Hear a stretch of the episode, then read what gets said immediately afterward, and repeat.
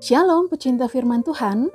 Saat ini Anda sedang mendengarkan renungan harian Diaspora Sejahtera Batu.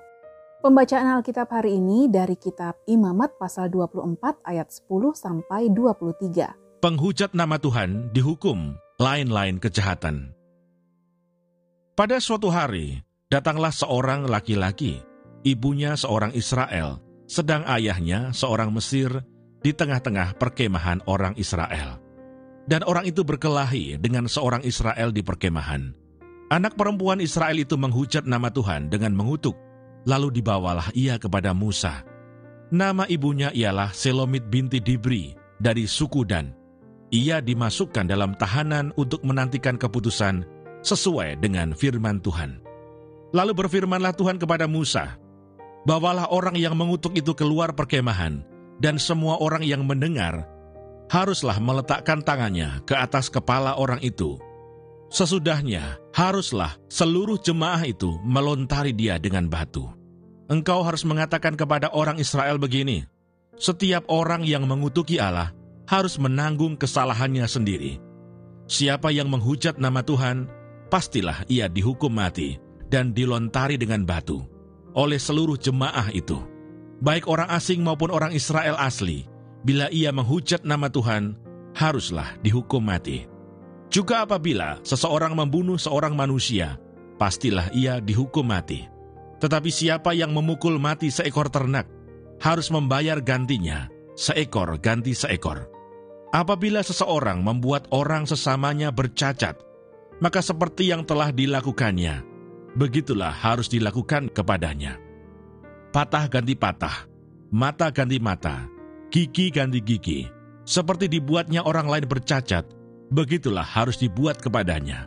Siapa yang memukul mati seekor ternak, ia harus membayar gantinya. Tetapi siapa yang membunuh seorang manusia, ia harus dihukum mati. Satu hukum berlaku bagi kamu, baik bagi orang asing maupun bagi orang Israel asli, sebab akulah Tuhan Allahmu. Demikianlah Musa menyampaikan firman itu kepada orang Israel, Lalu dibawalah orang yang mengutuk itu keluar perkemahan, dan dilontarilah dia dengan batu. Maka orang Israel melakukan seperti yang diperintahkan Tuhan kepada Musa. Ayat Mas hari ini dari kitab Imamat pasal 24 ayat 14. Bawalah orang yang mengutuk itu keluar perkemahan dan semua orang yang mendengar haruslah meletakkan tangannya ke atas kepala orang itu Sesudahnya, haruslah seluruh jemaah itu melontari dia dengan batu. Imamat 24 ayat 14. Renungan hari ini berjudul Menghargai Tuhan dan Sesama. Menurut catatan sejarah perjalanan bangsa Israel, perkawinan campur antara bangsa Israel dan Mesir telah terjadi, sehingga budaya Mesir mempengaruhi kehidupan bangsa Israel. Anak Selomit binti Dibri dari suku Dan telah menghujat nama Allah Alkitab tidak menunjukkan secara jelas bentuk penghujatan yang dilakukan.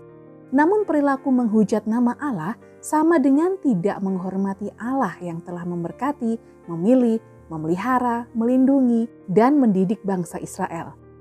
Menghujat nama Allah juga melanggar hukum yang telah Allah tetapkan dalam Keluaran 20 ayat 7. Konsekuensinya adalah hukuman rajam batu. Dalam budaya timur, Nama selalu terkait erat dengan pemilik nama. Nama sebagai perwakilan dari pemilik nama. Dengan demikian ketika nama Tuhan dihujat, maka penghujat tersebut sedang menghujat Allah pencipta langit dan bumi.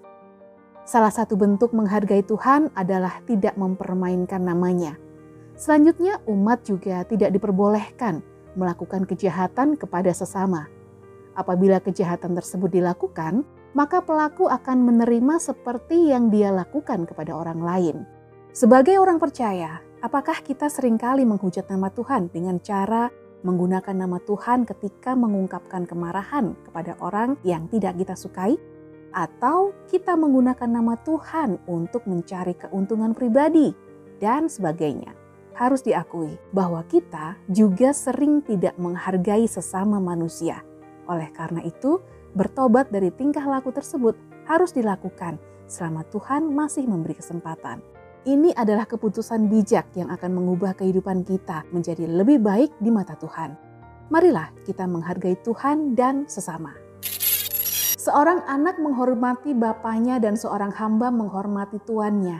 Jika aku ini bapa, di manakah hormat yang kepadaku itu? Jika aku ini tuan, di manakah takut yang kepadaku itu? Firman Tuhan semesta alam kepada kamu, hai para imam yang menghina namaku. Tetapi kamu berkata, dengan cara bagaimanakah kami menghina namamu? Malayaki 1 ayat 6. Tuhan Yesus memberkati.